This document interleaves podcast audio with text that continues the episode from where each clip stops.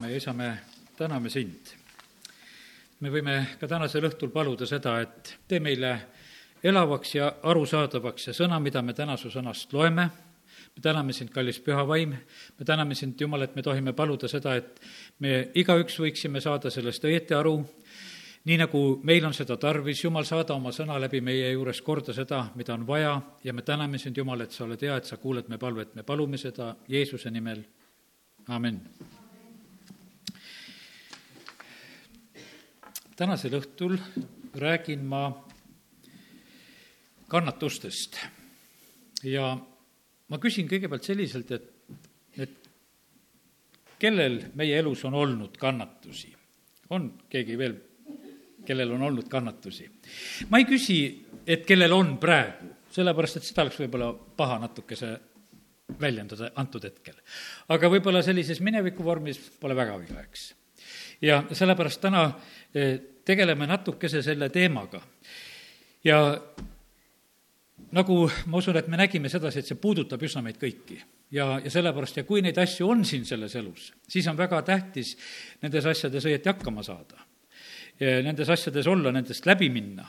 ja, ja sellepärast kiitus Jumalale, et me võime paluda, et Jumala vaim aitaks täna, et me võiksime siit õppida sõnast midagi ja, ja hakkame kõigepealt pihta eh, esimese Peetruse kirja teisest peatükist. tegelikult on nii esimese Peetruse teise peatüki salmid meile väga armsad ja eriti see lõpuosa seal ja, ja pärast ma loen ka Rooma kirjast. ja mõlemas nendes kirjakohas, nii Peetruses kui Rooma kirjas, on meil neid väga armastatud salme, aga nendes lõikudes räägitakse ka kannatustest. ja ma algan siin niimoodi, et võtan siit salmi kaheksateist ja sealt edasi.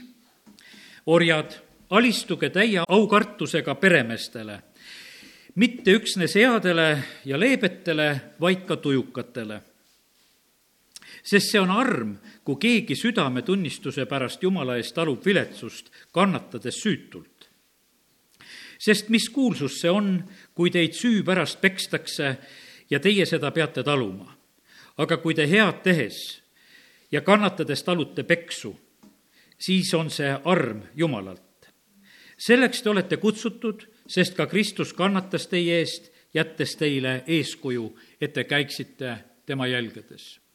ja ma ei loe siit praegusel hetkel edasi, ma usun, et me teame seda, et, et see peatükk lõpeb sellega, kus räägitakse meile sellest, kustkohast meil on tervis tulnud, tema vermete läbi on meile tervis tulnud ja pattude andestus ja, ja sellepärast nendest asjadest me oleme palju-palju kordi rõõmustunud.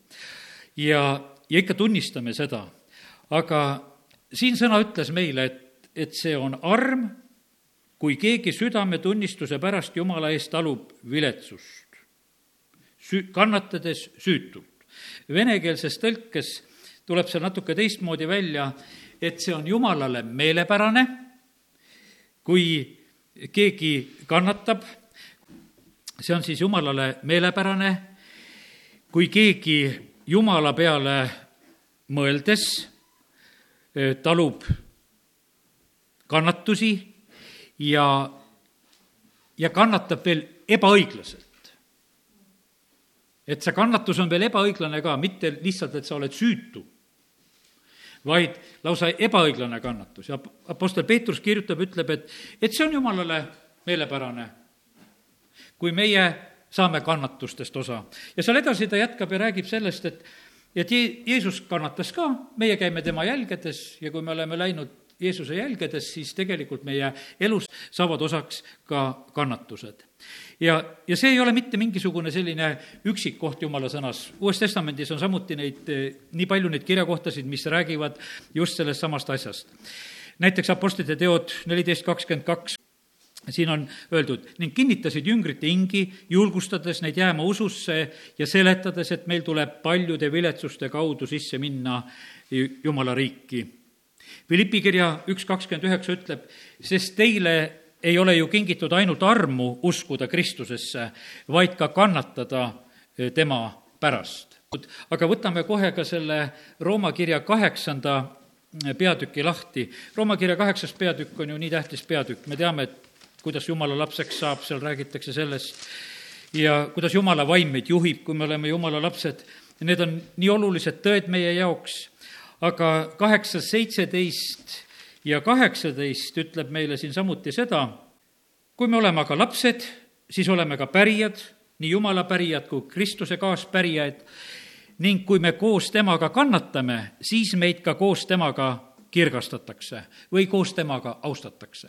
ja jälle on seesama jutt, et, et kannatused saavad osaks, on neid asju, mis, mis põhjustavad meile probleeme, mis on meile ebameeldivad, mis põhjustavad meile kannatust, väga paljud asjad, mille pärast inimesed kannatavad, need võivad olla rahalised kannatused, hädad, need võivad füüsilised hädad ja kannatused olla, Neid on tohutult palju, neid asju, ja need on kindlasti väga erinevad ja võib-olla vahest, kui keegi teine jutustab sulle oma kannatusest, siis sulle tundub, et see pole tühjagi mingi kannatus, aga vot minu kannatus on suur. et sellepärast, et kindlasti on see taluvusvõime meil igalühel erinev, kindlasti on ka see, kuidas me üldse läheneme nendele asjadele ja selle tõttu see, see pilt on hästi kirju. ja sellepärast täna ma ei hakka üldse lahkamegi seda, et mis on suur ja mis on väike kannatus, vaid lihtsalt see põhiline printsiip, et on asju, mis meie elus põhjustavad kannatust. ja, ja kui need kannatused on meie ellu tulnud, eh, siis meil on hea, kui me oskame nendest läbi minna ja täna püüame selle juurde ka jõuda, et kus sellest õpime, aga nüüd me lugesime, kui me oleme ka lapsed, siis oleme ka pärijad, nii Jumala pärijad kui Kristuse kaaspärijad. kui me koos temaga kannatame, siis meid ka koos temaga kirgastatakse. ja Paulus jätkab, ütleb, sest minu arvates ei vääri nüüdse ajastu kannatused mainimist tulevuse kirkuse kõrval, mida meile ilmutatakse. teisalt ta räägib sellest, et, et see on nii lühikene, et see on kui üks silmapiltne kerge viletsus, mis läheb mööda ja see saavutab meile määratult suure ja igavese au sealt ütleme üks salm veel sealt Rooma kaheksandast on meile, ma usun, selline oluline, oluline ja tähtis, see on Rooma kaheksa kakskümmend kaheksa, mida me ikka vahest ka kinnitame ja ütleme, et kui midagi on niimoodi, et pole päris, et me teame, et neile, kes Jumalat armastavad, laseb Jumal kõik tulla heaks neile, kes tema kavatsuse kohaselt on kutsutud. Et kui on vahest mõni selline asi, mis on natukene üle meie arusaamise ja mõistuse, siis meil on hea nagu kinnitada selle salmiga, et aru küll ei saa, aga no jumalat armastan ja ju see tuleb mulle õnnistuseks ja kasuks ja jumal pöörab selle asja heaks Joosepi elu, võtame seda Vana-testamendi Joosepit, meil on praegu selline teatud mõttes ka natuke Joosepite aeg, ma hakkasin mõtlema, et nii paljud lapsed saavad Joosepi endale nimeks ja, ja sellepärast ma usun, et äh, Joosep on väga hea näide, keda ka tänasel õhtul meelde tuletada. Joosep müüakse orjusesse oma vendade poolt no kas saab ütelda sedasi, et see on midagi noh, normaalset? absoluutselt, no mitte midagi normaalset vennad käituvad väga halvasti, müüvad ta mingisuguse kahekümne hõbetüki eest maha ja aga hiljem, kui me seda lugu vaatame, siis me näeme seda, et, et tegelikult tõesti Jumal on pööranud selle loo heaks no see lugu ei olnud mitte mingil kombel, no seleta sina, kuidas sa se-, seletad, et, et see oli mingisugune hea lugu, et vennad müüvad oma venna maha. aga ka see halb lugu ja see oli tõesti halb lugu, siis me näeme, et ühel päeval selle tõttu on sellest mehest Egiptuse peaminister. ja tegelikult asi on hoopis ära pööratud ja, ja sellepärast see on tegelikult äh, jumalal võimalik. ja sellepärast on niimoodi, et, et meie ei pea mitte otsima neid olukordasid ja kannatusi ja, ja selliseid halbasid lugusid ja, ja kaugel sellest, et et ära hakka nii mõtlema, et ma teen teisele kannatusi, et küll jumal neid pöörab. E, me ei tohi, me ei tohi selliselt hakata kuritarvitama tegelikult äh, seda asja, vaid täna me räägime sellest, et tegelikult kannatused tulevad meie ellu ja, ja tegelikult on selles veel tohutult suur oht. ja, ja sellepärast eh, me peame ühe asja ära õppima, et kui oleme kannatustes, siis kannatustes on tegelikult see kõige suurem oht on see, et me pettume, me süda läheb kõvaks, me hakkame nurisema ja, ja meie südamesse tegelikult poeb sellel hetkel väga palju erinevaid asju. kas ei oleks saanud Joosepile sellel hetkel pugeda eh, südamesse väga palju erinevaid asju, kui vennad müüvad maha? Oleks saanud ja, ja selle mehe süda võiks olla väga kõva süda. aga me teame ta lugu, et tegelikult selle mehe süda ei olnud kõva süda, ta pidi minema kõrvaltuppa nutma, kui ta oma vendadega kokku sai, ta ei olnud mõtelnud mitte, et nüüd kuule, vennad on siin, et mul on paras aeg ja mul on võim ja ma võtan nad kõik tegelikult praegusel hetkel siin maha. ja mu silmgi ei pilgu selle juures. ja sellepärast, et mis nad mulle kord tegid aga ta süda ei olnud kõva, tal ei olnud seda asja üldse meeles, ta ei olnud mingit kättemaksu mitte mingisuguseid selliseid plaane.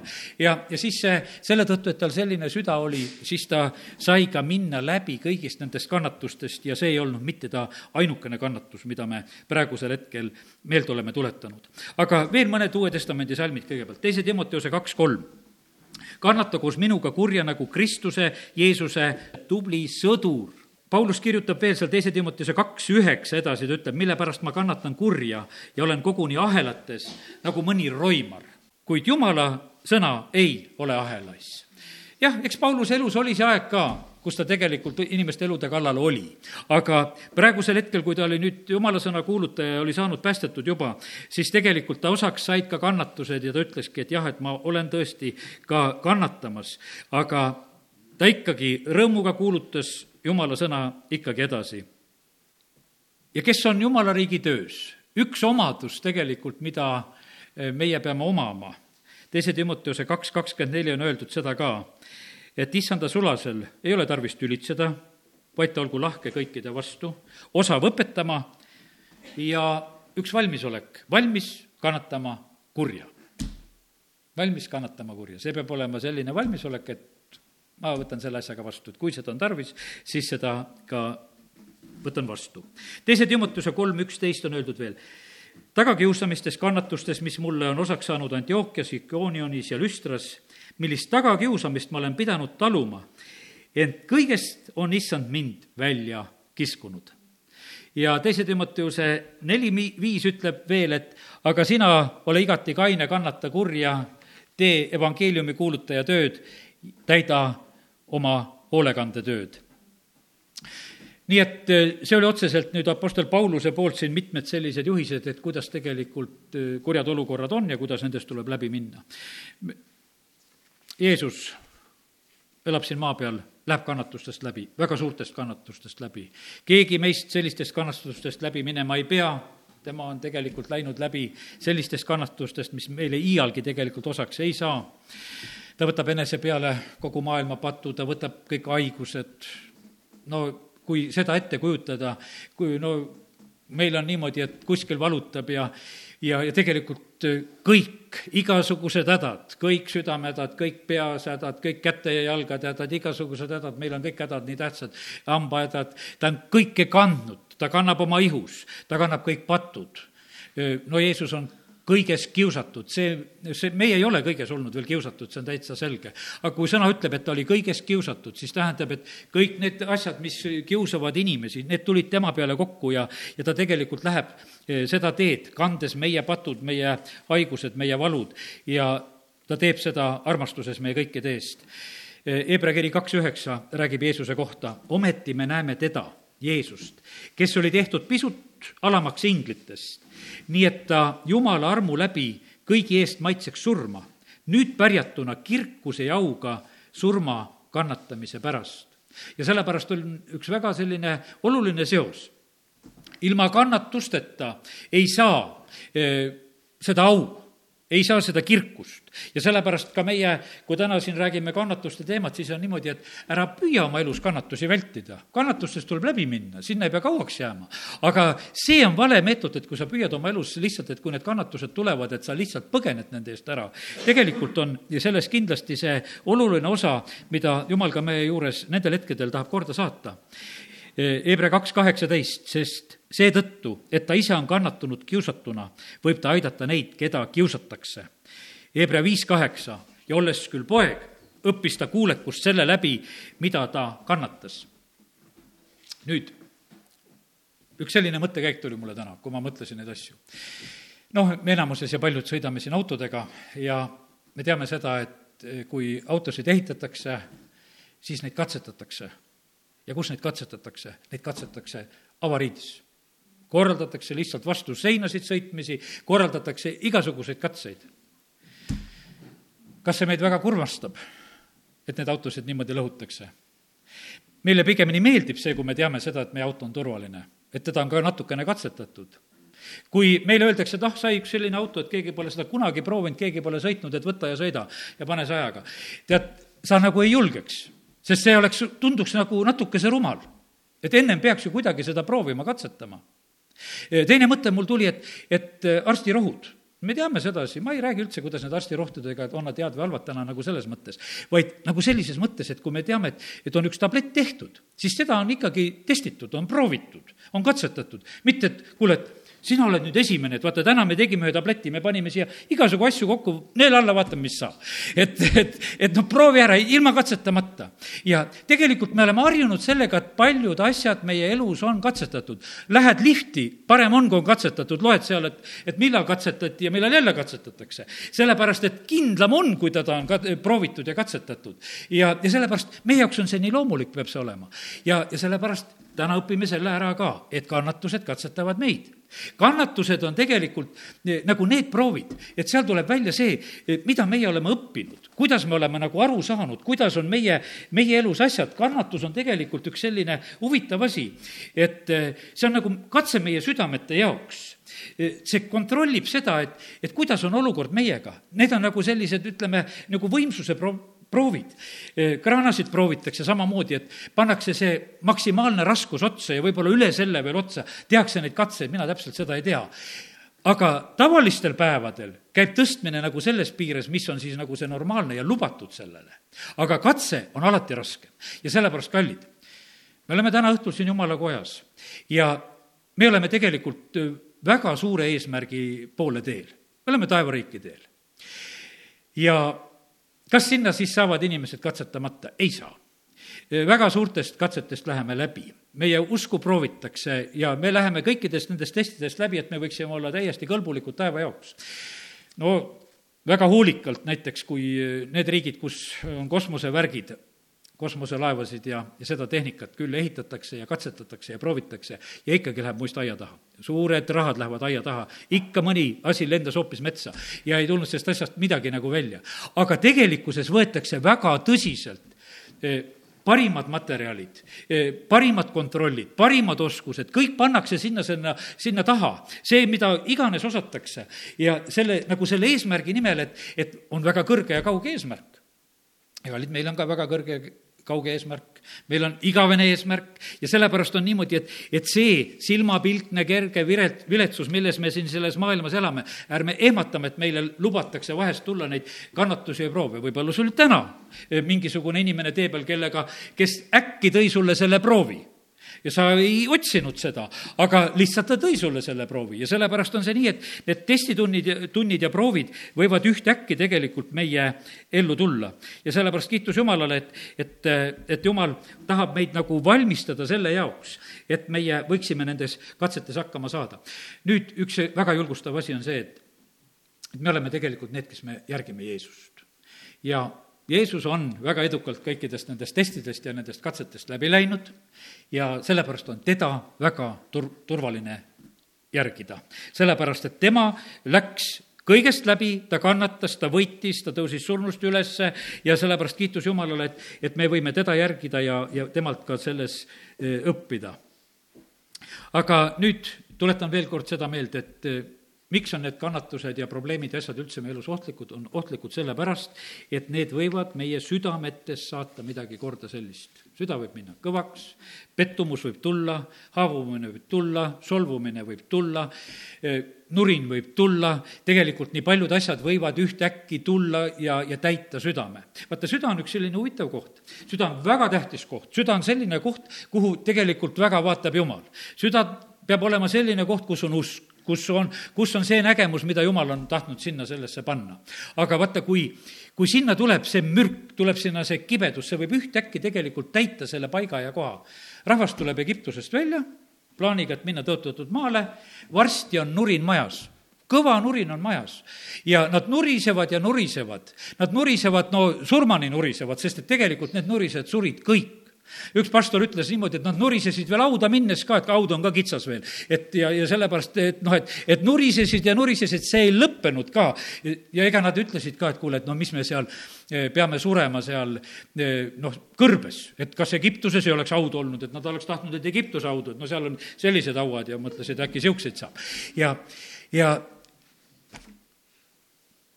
vaata, kus meie käitume siin Lõuna-Eestis, no nii ilus liiv, kus läheb, et vaata, kui tore liiv, tead, eks, et meil on nii ilus liiv, kus mulda läheb. no vahet sellel on, on see liiv või on see savi või on need kivid tegelikult selle surnu jaoks, eks, et sul, sul on raskem kaevata võib-olla ja seal midagi teha selle juures, aga, aga see selline inimlik mõtteviis on niisugune, vahest teeb nalja lihtsalt, kui natukese mõtled selle peale. aga need olid tegelikult tõsiselt nurisemas ja kaks meest said seal tegelikult tõsiselt nende nurisete pärast kannatada ja need olid Jooso ja Kaalep. kas nende südamed nende teiste pärast ei oleks võinud kõvaks minna? kas meie peame nelikümmend aastat ootama teie pärast, et teie nurinaid kuulata ja meie kahekesi peame oma usku hoidma?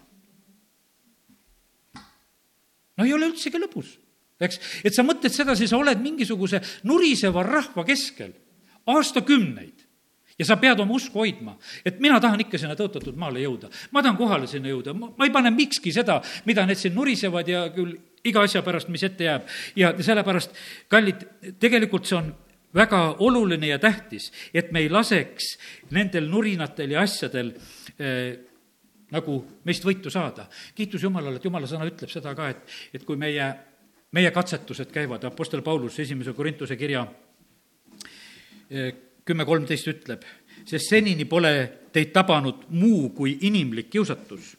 aga Jumal on ustav, kes ei luba teid kiusata rohkem, kui te suudate taluda, vaid koos kiusatusega valmistab ka väljapääsu, nii et te suudate taluda ja sellepärast kiitus Jumalale, et, et Jumal on tegelikult valvamas, milliseid katsumusi meie ellu pannakse.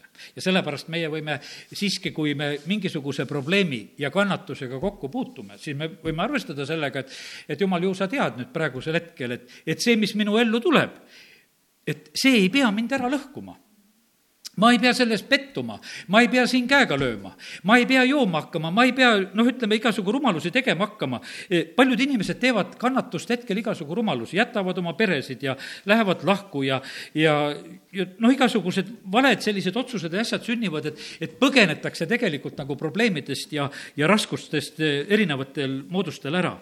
aga tegelikult on need, need hetked ka kindlasti need, kus on need probleemid meie eludes, nii nagu eh, on ikka toodud seda näidet, et nagu skulptor teeb ühest kivist, teeb midagi, mingisugust kuju või mingit nägu hakkab välja toksima, et et ta peab sealt ära toksima seda, mida seal vaja ei ole, et võiks tulla see, mida ta tahab seal näha.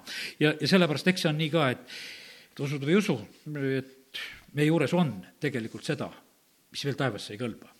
ja, ja mis peab siin saama ära eemaldatud ja kui see on ära eemaldatud, vaata siis, siis on valmis. ja sellepärast on see nii, et see tuleb nagu teatud hetkedel, kus äh, toimub nagu selle tõksu panemine, et, et sa pead jälle millestki lahti saama, mis on sulle liigne, millest sa pead vabaks saama. et meie usukuld saaks puhtamaks.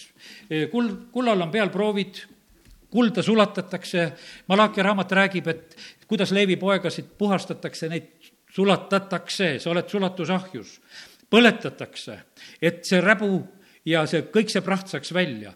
ja, ja sellepärast eh, see on niivõrd oluline, tähtis, et tegelikult eh, need asjad nagu sünniksid.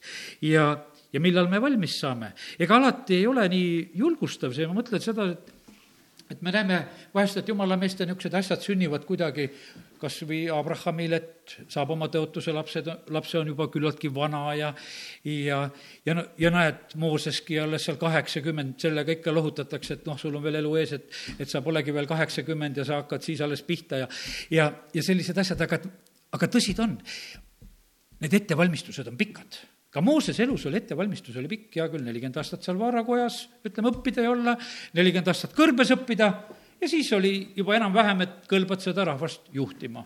ja sellepärast, ja meie mõtleme sedasi, et me oleme kohe valmis, sest et meil on, meil on see mingisugune selline noh, mõte vahest, et me oleme valmis. aga tegelikult Jumal teab, millal me saame valmis ja millal me võime edasi minna ja, ja millalgi Jumal ka meie kätte midagi võib-olla usaldada, mis on tähtis loeme ühe salmi veel vahele, veel viskame nagu neid mõtteid juurde. teise Timotuse kaks kaksteist ütleb, kui me jääme püsima vaevas siis me valitseme koos kuningatena. kui me temas algame, siis salgab ka tema meid. kui me jääme püsima vaevas, siis me valitseme kuningatena. Vahest tahaks valitseda, vahest tahaks korraldada, juhtida, teha, aga tegelikult me näeme, et see asi käib, et, et kõigepealt tuleb olla selles vaevas. kõigepealt peab jääma püsima vaeva, siis saad valitsema. kõigepealt see, enne au on alandus. ja me inimestena nagu seda ei tahaks, me tahaksime, et kohe saaksime võib-olla eh, neid asju kätte. ja vahest mõtleme, et no kaua siis mind alandatakse ja kaua ma parem ise alandu tegelikult, eks, et, et sest et tegelikult see on see tee. ja kannatus kuulub alati aule ette ja sellepärast, et kõik see, mis ei ole ilus, see peab sealt kaduma, nii nagu juba äh, rääkisime. keda jumal armastab, seda ta karistab. ükski karistus ei ole meeldiv. ja praegusel ajal laste kasvatusest vahest püütakse rääkida nii, et nad lapsi saaks justkui ilma karistuseta kasvatada, mis on täiesti vale tegelikult. see ei ole võimalik, sest keda jumal armastab, seda ta ka karistab. ja sellepärast jumala sõna ei jäta karistust mitte kuskile sellise kahe vahele kohale, vaid tegelikult väga olulisele kohale ja ta teeb seda ise ka just meie juures. ja sellepärast nii see on. kust need kannatused üldse tulevad, kui küsime vahepeal nüüd nagu seda ka osad kannatused tulevadki, mida jumal lihtsalt lubab. selles mõttes võiks ütelda, et jumala käest lausa tulevad, ta lubab meile neid tulla. osad kannatused on need, mida kurat väga otseselt saadab meie ellu. kui sa oled väga kindel, et see on kuradist saadetud kannatus, siis sa võid sellele seista vastu usus, kui see on kuradi kiusamine sest et seda sõna ütleb, et sa võid teha seda.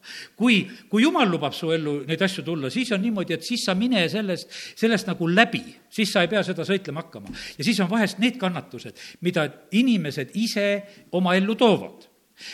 no ütleme, et teed midagi rumalasti noh, ütleme, et osad teevad rumalasti, võtavad suuri võlgusid ja asju ja siis ütlevad, et näed, kuidas kurat mind kiusab. ei ole see kuradi kiusamine olnud, ise võtsid ja ise otsustasid ja sa pead selle ära maksma. või kui näiteks ületad kiirust ja sõidad ja saad trahvi ja siis ütled, et kurat väga kiusas. ei kiusanud see kurat midagi, sinu jalg vajutas ja sa sõitsid ja, ja sa tegid selle ise ära ja sellepärast maksa siis rõõmuga see ära, seal ei ole mitte midagi muud teha, sellepärast et sa ise tegid selle kannatuse endale. ja, ja sa ei pea siis seal turtsuma, ütlema, et kuule, et umbes ütles, et kurat, kao eemale. E, vaid tegelikult on neid kannatusi ja asju, millesse me tegelikult astume ka ise. ja ma ei jäägi täna rääkima nagu jälle, et kus need kannatused on. E, alati, kui oled selles kannatuses, küsi ära, et mis asi on siis, jumal, et kas see on minu rumalus, millesse on sattunud, kui on enda rumalus, palu andeks ja, ja püüa seal korrigeerida ja ja siis sealt edasi minna. ja, ja kui, kui jumala käest on see asi, siis on see selline asi, et siis tuleb küsida, et kuule, jumal, mida sa tahad, et nüüd minu elust saaks kõrvaldatud, näita mulle, et ma olen kohe selleks valmis. et ma tahaksin rutemini tegelikult selle asjaga ühele poole saada, et ma tahaksin ära anda selle, mis ei austa sind, mis on vale ja ma tahan sellest vabaks saada. nii et kannatused on meie elu selline loomulik osa, kannatused on, see on väga rõõmustav asi, et nad ei ole igavesed, need on ajutised asjad, need, need mööduvad ja ja väga tähtis on see, et me õpiksime neid läbima, et me ei satuks nurinasse, pettumusse ja usaldamatusse ja, ja et me süda ei läheks kõvaks ja neid palju erinevaid asju. ja ma usun seda, et kui me täna sellest räägime, et küllap meil tuleb ette neid asju ka ja tuleb meelde ka võib-olla, kus kus meiega on just juhtunud see nega-, negatiivne asi, kus me oleme nurisenud, pettunud, eh, oleme usalduse kaotanud, kas inimeste või Jumala vastu või mis iganes, kust see võib tulla tegelikult inimestel. ja, ja sellepärast äh, aidaku meid Jumal, et, et kus need asjad on niimoodi valesti läinud, seal tuleb meelt parandada, asjad korda saada. Hiop on meil Vanas Testamendis kannatuste eeskuju. Hiop kaotab kõik oma lapsed, Hiop kaotab kõik oma varanduse, see käib kõik väga kiiresti, see käib kõik väga äkki, siis kurat arvab sedasi, et kuule, et, et noh, mis, mis see pere ja, ja mis see varandus, et see pole midagi, aga et aga et ikkagi inimesel on tervis tähtis, et kui ta tervise kaotab, et küll ta siis sind näeb, küll ta siis sulle ütleb, jumal, mis ta sinust arvab.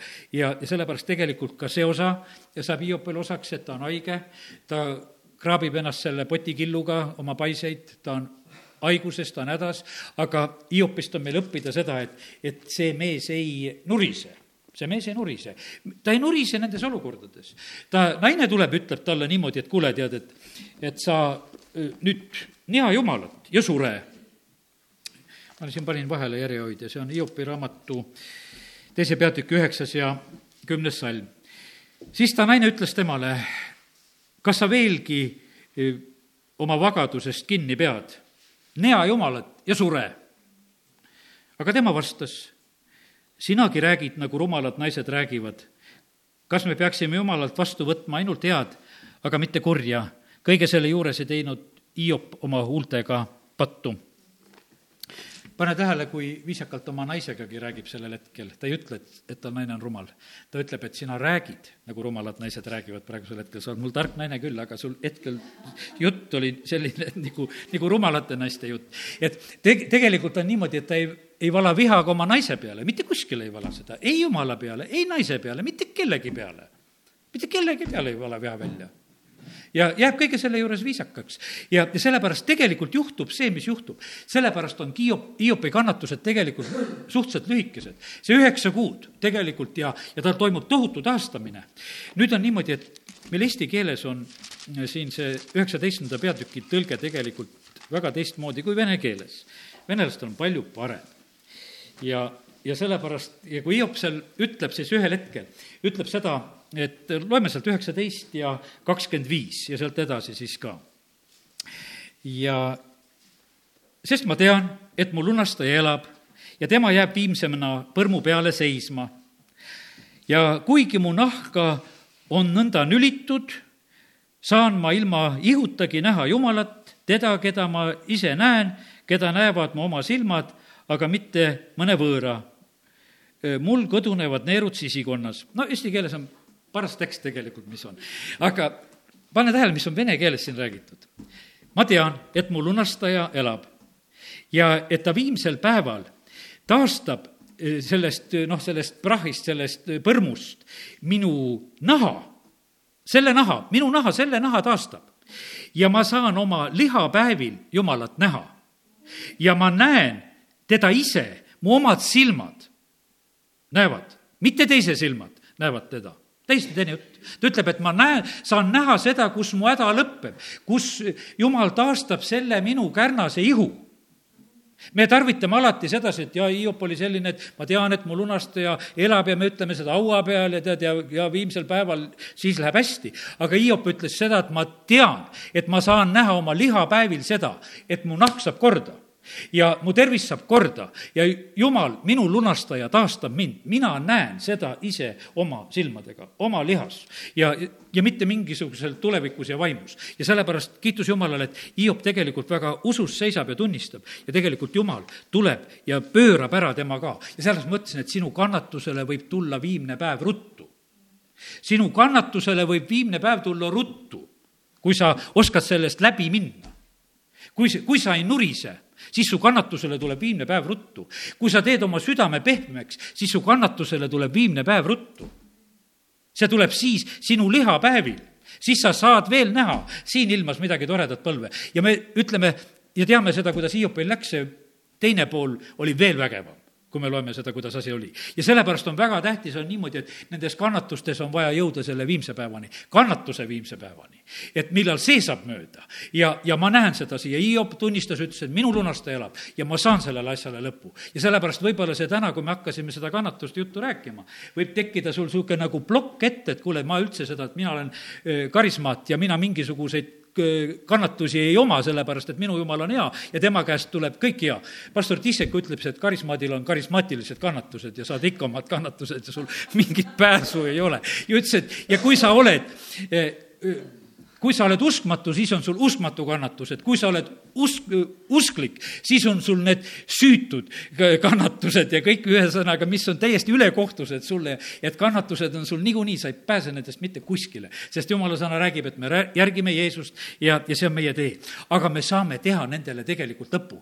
kui ma kõnnin ka surmavarja orus, ei karda ma kurja, sest sina oled minuga. ma lihtsalt lähen sellest läbi ja sellepärast on väga tähtis, on see, et kannatustes on vaja kõndida kannatustes on vaja edasi minna, kannatustes ei ole vaja mitte seisma jääda, et, et kuule, mis nüüd juhtus. sealt on otsida vaja väljapääsu, seal on vaja edasi minna. ja, ja sellepärast see on hoopis teine teema tegelikult, kui me seda nagu mõistame selle koha pealt kiitus Jumalale. ja sellepärast ei ole, see on täiesti vale, kui me tegelikult ja, ja sellesse me sattume tihtipeale. kui mingisugune probleem tuleb, meil on selline punkt üks, hakkame süüdlast otsima, kes on süüdi noh, kes on süüdi, kui selle süüdlase üles leiaks, no siis oleks küll hästi. ja abieludes otsitakse süüd, süüdlast, mees otsib naise pealt süüd, naine otsib mehe pealt süüd, niimoodi käib. koolis on niimoodi, et lapsed õpet-, otsivad õpetajas süüd õpetajad otsivad lastes süüd, töökohtades töötajad otsivad oma ülemustes süüd, kogu aeg on mingisugune süü otsimine, sest kuskil on probleemid, ega keegi peab kuskil süüdi olema. ja kui sa selle süüdlase üles leiad, siis tundub justkui on kergem. see tegelikult ei lahenda mitte ühtegi tegelikult asja ära, sellepärast et see ei ole tähtis, vaid et nii, nagu me eh, täna siin õppisime, et, et kui on probleem, kui on kannatus siis on niimoodi, et selles kannatuses meie jumala lastena ütleme niimoodi, aga jumal, et mina küll ei tea, mismoodi sina selle asja heaks pöörad. aga tegelikult praegu minu jaoks on juba probleem, minu jaoks on juba kannatus. ja ma sooviksin, jumal, nüüd, et tee seda Rooma kirja järgi, nagu sa luud-, lubanud oled, et, et sina pöörad selle asja kuidagi mulle kasuks. ma tahan seda kasu kätte saada. et ma, ma ei pea hakkama süüdlast otsima, see ei aita. Joosep, kui ta on vanglas, ta ei istu seal, et et kuule, et kui ma välja saan, et no kuule, no vendadele tuleb igal juhul kätte maksta, no need oleks paras kõik ära tappa ja, ja see Potifari naine, see, kes mulle valesüüdistuse on andnud, kes kes tegelikult oli oma patuste mõtetega ja mina pean istuma vanglas, no sellele maksan kätte. ja see joogikallaja ka, kes veel ära mu unustab, et, et on minuga koos, ma räägin talle unenäo ära ja, ja ta tühjagi ei pea mind meeles, et nad on kõik tegelikult karistusväärt. aga tegelikult, kui Joosep tuleb vanglast välja, mis Joosep teeb? Tal ei ole mitte ühtegi ka-, kättumaksu mõtet, absoluutselt mitte ühtegi. ja, ja vaata, millise kõlbulikkusega on Joosep, ta kõlbab riiki valitsema. ta kõlbab peaministriks.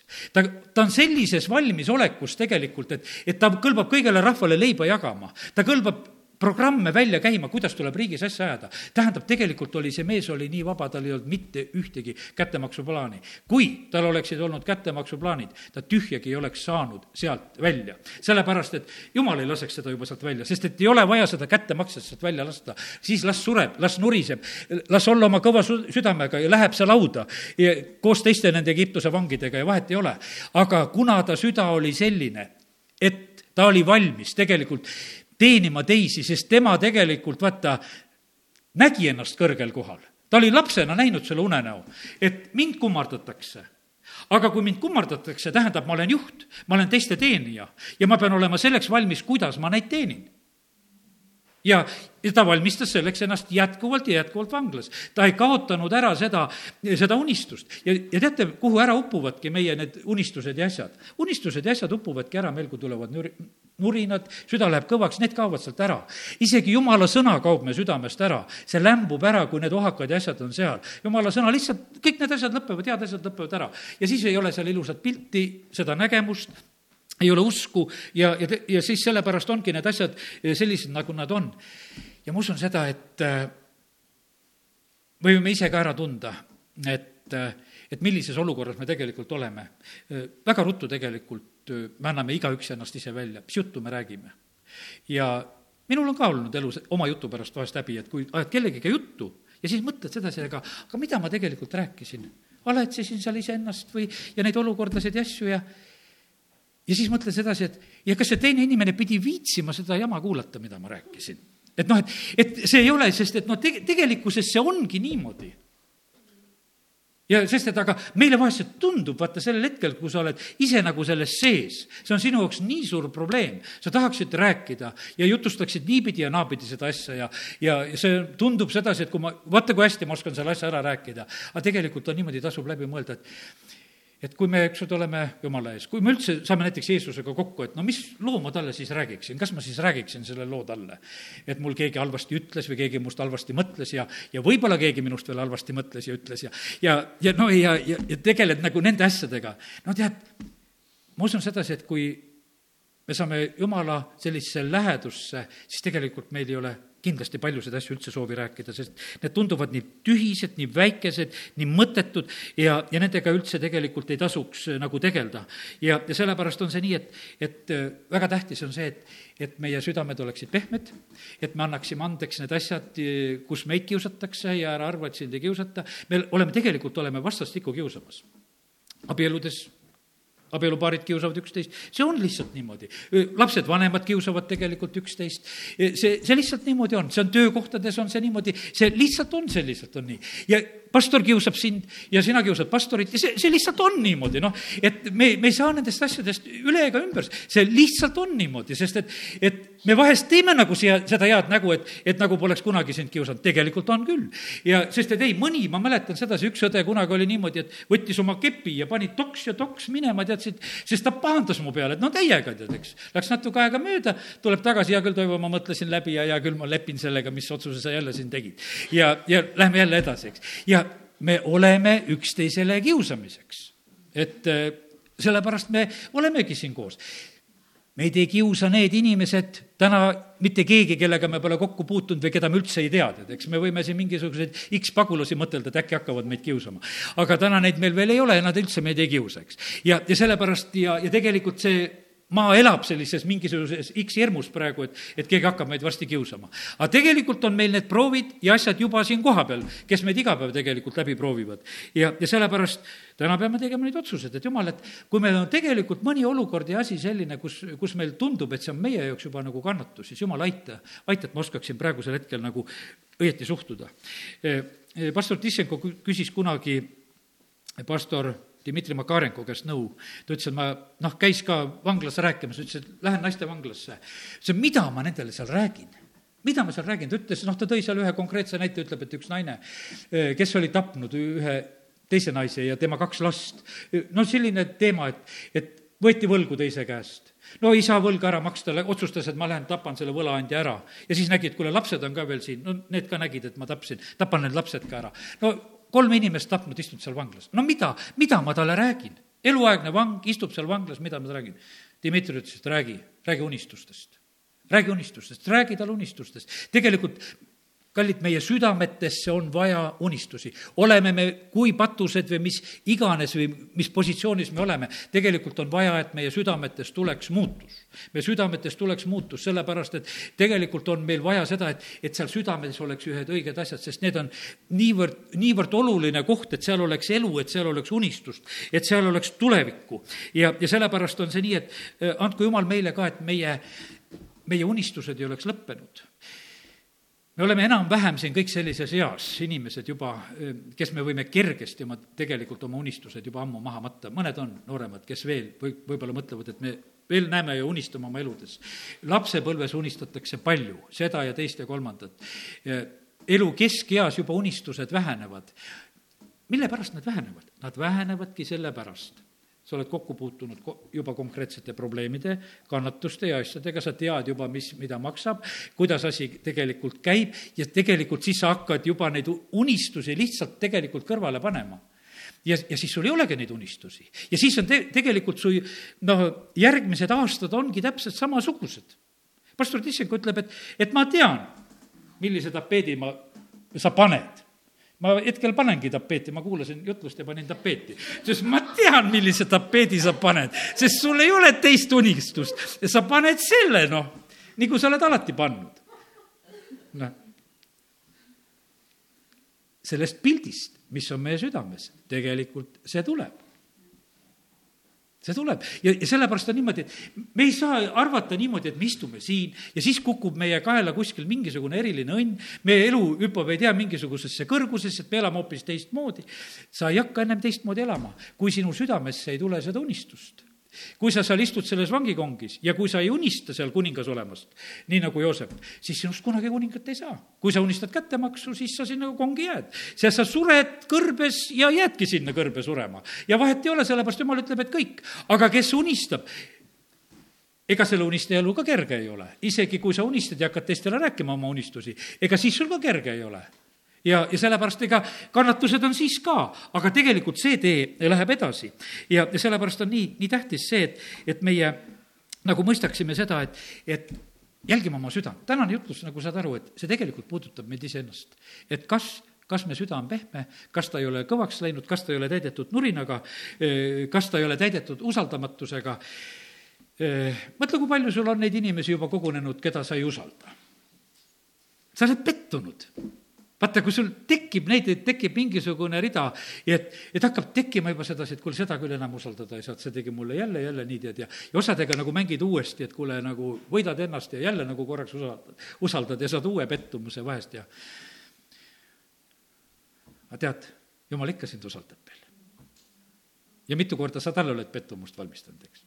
ikka ta usaldab ta ikka armastab. ja sellepärast ega see, see teema on väga õrn ja, ja selline oluline tegelikult teema, et, et meie nagu mõistaksime neid asju, et, et tegelikult Jumal käitub meiega väga armuliselt ja ta tahab, et me oleksime teiste koha pealt samamoodi armulised.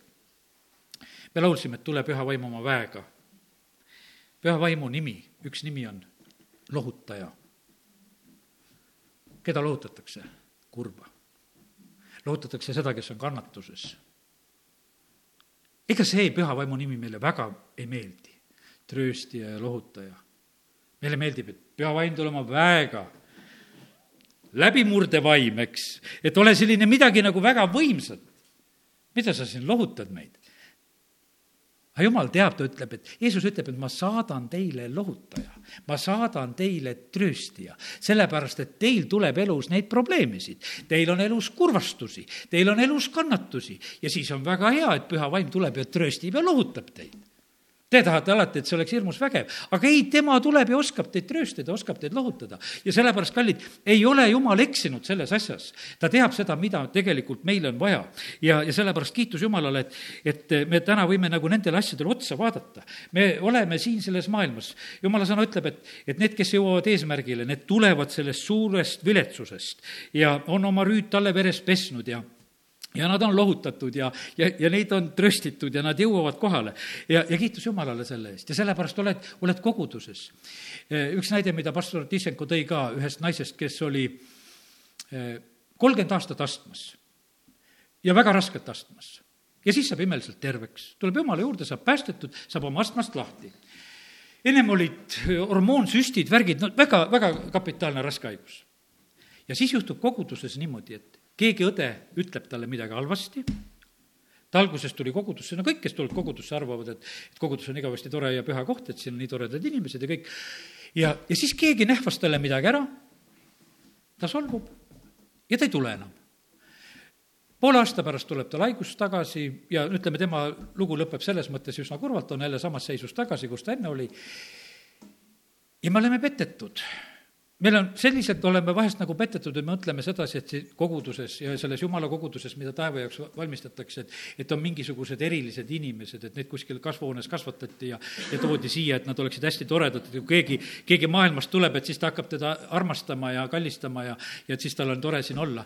Nad on kõik sellest maailmast tulnud Nad kõik tulevad sellest viletsusest, nad on kõik tegelikult sellised okkalised vahest ja, ja nende kõigi käest võid tegelikult vahest ei tea, mis asja saada. ja sellepärast on täna niimoodi, et, et ma selles mõttes kisun neid illusioone maha, et me ei oleks petetud, me ei oleks petetud. see on kogudus inimestest see on tegelikult nendest inimestest, keda lihtsalt Jumal on oma armuga päästnud ja kes, kes satuvad kannatustesse, olles, kannatustes olles vahest ei tea, missuguse meelsusesse ja mida nad tegema hakkavad. ja sellepärast on väga tähtis, et, et need igasugused sellised eh, valed illusioonid ka meie eludest ära kaoksid.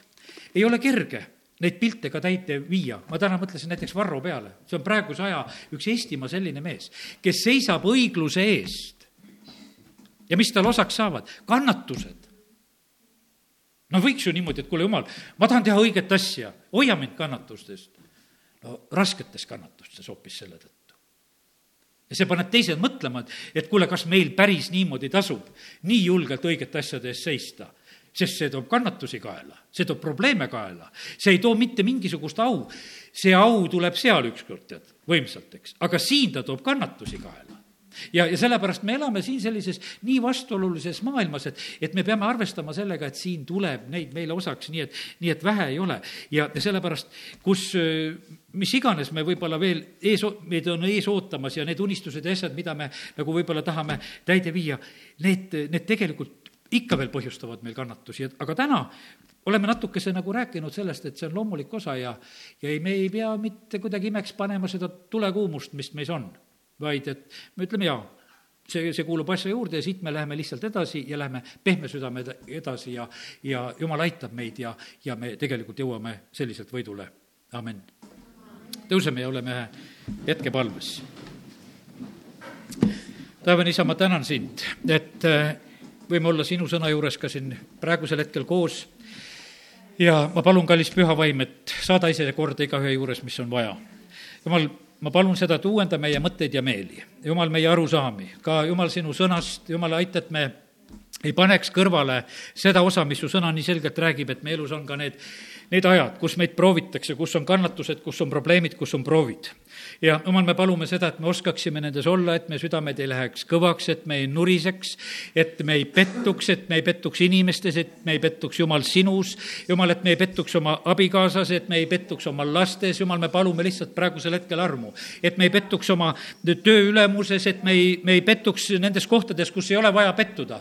Jumal, me täname sind, et me tohime praegusel hetkel armu paluda, et kus alat-, kus iganes meil on ka praegusel hetkel probleem. Jumal, me palume, et aita meid sellel hetkel teha nagu see muudatus, et hoida seda pilti ja nägemust, mida sina, Jumal, meile oled andnud. et me oleme sinu lapsed ja sina pöörad kõik heaks. kõik tuleb heaks neile, kes Jumalat armastavad ja sellepärast, Jumal, aita meid alati ümber lülitada, uskuda, et Jumal, sina oskad selle olukorra ära pöörata ja see tuleb meile õnnistuseks. isa, kiitus ja tänu ja ülistus sulle, et me võime seda armu paluda. aga isa, me palume praegusel hetkel ka, et anna meile andeks need asjad, kus, kus me oleme teinud südameid kõvaks teiste inimeste koha pealt, kus me oleme kannatuse nagu ära kaotanud ja oleme juba võib-olla lõpetanud ja oleme sildistanud ja, ja oleme inimesi paika pannud ja oleme seda teistele rääkinud ja, ja, ja mis iganes teinud, jumal, me täname sind, et me tohime praegusel hetkel lihtsalt sinu armu paluda, et, et me oskaksime kannatlikkuse ja armastusega suhtuda ka teistesse inimestesse, kes on meie ümber. isa, kiitus ja tänu sulle, ma palun praegusel hetkel, et, et rahu võiks olla töökohtades, rahu võiks olla meie kodudes, jumal, et, et mehed ja naised omavahel oskaksid oma õigeid positsioone võtta, näha ennast, näha oma puudusi, kõrvaldada neid asju, mis on enda juures. isa, me täname sind, et, et me tohime siin sinu armu paluda. isa, kiitus ja tänu ja ülistus sulle. me täname sind, Jumal, et sa oled hea ja et sa paned tähele kõike seda, mida me oleme praegusel hetkel otsinud ja palunud ja su püha vaim ilmutab veel, mida meil on tarvis. isa, kiitus ja tänu sulle Jeesuse nimel. amin. Et ütlen lõpetuseks veel nagu mõned pildid, mis ma sain, et vaata, me inimestena suudame noh, ütleme, pildi peale parasjagu võib-olla ilusa näo teha, kui fotot tehakse. ja seda ka alati ei suuda, siis me veel valime neid võtteid, et kuule, selle peal ma ei tulnud ilusti, ärme seda vaatame, eks. et paneme selle kõrvale, et võtame selle. mõni suudab niimoodi, et peaaegu iga pildi peal tuleb ilus. Et noh, on kuidagi fotogeenilisem, ütleme, või kuidas iganes ja, ja aga tegelikult selles on nagu mingisugune äh, kindlasti niisugune sisemine vabadus, mis väljendub ka selles välises ja sellepärast tegelikult Jumal, Jumal tahab, et, et me, me saaksime nõnda ilusaks. et me oleksime igal hetkel ilusad, ükstapuha, mis hetkel pilti teed. et mitte ei ole sedasi, et kuule, et nüüd on naeratus, et nüüd teeme pilti, vaid et see, see ongi, et see ongi meie olemuses. Ja et me oleksime elu otsal, ma mõtlesin Taaveti peale, ma lugesin neid Taaveti viimaseid lugusid ja veel ja Taavet on juba väga nõrk, ta on oma voodis Taavetit kiusatakse veel ju väga kõvasti seal selles, tal otsitakse väga ilus tüdruk, kes teda hooldama tuleb. Taavet ei puutu temasse. Taavetil oli elus see nõrkus, kus näeb naabrinaist ja, ja, ja korraldab tapmised ja asjad ja kõik ära ja vaatas, et kuule, et teeb selle asja ära. ja, ja tegelikult ta sellel hetkel käitub väga ilusasti. ta, sõna ütleb, et pange tähele seda elu otsa, need, kes teid juhatasid. kuidas ta seal eh, tegelikult usaldab Jumalat kui tal seal üks poegadest tahab kuningaks tõusta, see Adonia tahab kuningaks tõusta ja, ja tegelikult peab Saalomon selleks saama. Taavet on voodis, ta ei saa isegi voodist välja, talle räägitakse. ta ütleb, et see jumal, kes mind on igas hädas aidanud, see aitab nüüd ka mind ja ta kummardab voodis Jumalat, ta on ta on kogu aeg nagu ainult sellises positsioonis, sünnibki see, et Saalomon saab kuningaks ja, ja need asjad nagu lähevad nii ilus on tegelikult nagu sellises mõttes see, see elu ots, kui, kuidas ta on. ja sellepärast on see nii, et, et tegelikult jumal tahab, et me kõik saaksime niimoodi nagu ilusaks. et me, meist tuleks see ilu selliselt lihtsalt esile ja, ja et me oskaksime nagu väärikalt käituda. täna, kui ma neid mõtteid olen mõelnud, siis mul tuli veel meelde üks näide oma isast. kui isa on surivoodil, see on aasta kaheksakümmend kaheksa, kevad, aprillikuu kuskil või noh, ütleme seal, või võib-olla märtsi lõpp, kus see oli, ta on täiesti jõuetu. ja, ja ta soovib, et talle pannakse valge särk selga, must ülikond selga, oma kodus voodi ääre peal istudes. Ja see on ainult üheks eesmärgiks, et issanda surma mälestada, et võtta pühast lauast osa, et võtta leiba ja karikat naabrimees oli ka pastor, ütles, et kuule, kutsu Albert ja, ja las ta tuleb mulle, murrab mulle leiba, sest ma tahaksin selles pühas lauas olla. kõik meie tead nagu niimoodi mõtlesime, et no milleks see pingutus, sa võid ju nende oma, nende riietega, millega sa seal voodis oled, seda võtta. ei, ta ütles, et see on mul väga pidulik asi ja ma tahaks seda veel väga pidulikult teha. et mu, mu parim ülikond, mu parim see, et kõik need parimad asjad ja ma tahaks nagu seda teha. see, ja tegelikult on niimoodi, et vaata, need eh, asjad jäävad nagu meelde mida nagu tehakse nagu päriselt, et see ei olnud mitte mingisugune nagu mängimine, vaid et, et see oli tegelikult eh, see issand, keda ta teenis, kuidas ta teda austas, keda, kellele ta tahtis oma au veel anda, ennem kui varsti kohtub. ja, ja sellepärast, kallid, need asjad jäävad tegelikult noh, ütleme nagu mälestusena ja eeskujuna ja sellepärast kiitus Jumalale, et, et tegelikult Jumal tahab meid kõiki niimoodi ilusaks teha, et, et kui meie lahkumine on, et siis sellest on midagi niisugust hästi ilusat meeles. et sa vaata, kuidas ta läks sa vaata, kuidas tema oskas minna, kuidas ta läks. ma mäletan ükskord mu isa, kes oli siin selles samas jumala kojas, ütleb oma jutluses, et me peame siis ka käituma väärikalt, kui meid kontrollitakse. üks mees, kes nähtavasti oli kontrolli mõttega sisse astunud ütleb, ära karda, tead, ütleb seal, tema, tema oli nagu paljastatud, ta oli selleks siia sisse astunud, aga tegelikult selles jutluses ei olnud üldse seda kontrolli otsimis, et kas täna meil on kontrolli või ei ole. aga, aga see lihtsalt kukkus niimoodi välja, me peame alati käituma väärikalt. ja see kukub nii põnevalt vahest välja tegelikult, kuidas need asjad välja tulevad. ja, ja sellepärast kiitus Jumalale, et, et et me võime täna otsida tegelikult seda vabadust Jumalas, seda vabadust Jumalas ja, ja kui me selle leiame, tead, siis on nii lahe olla. siis ei ole mitte mingit eesklemist, mitte mingit muret, lihtsalt oled. Ja, ja siis on nii, et pigista palju tahad, mitte midagi koledat välja ei tule. kiitus Jumala selle eest. amin, no nüüd jut-, lõpp, jutlus lõppes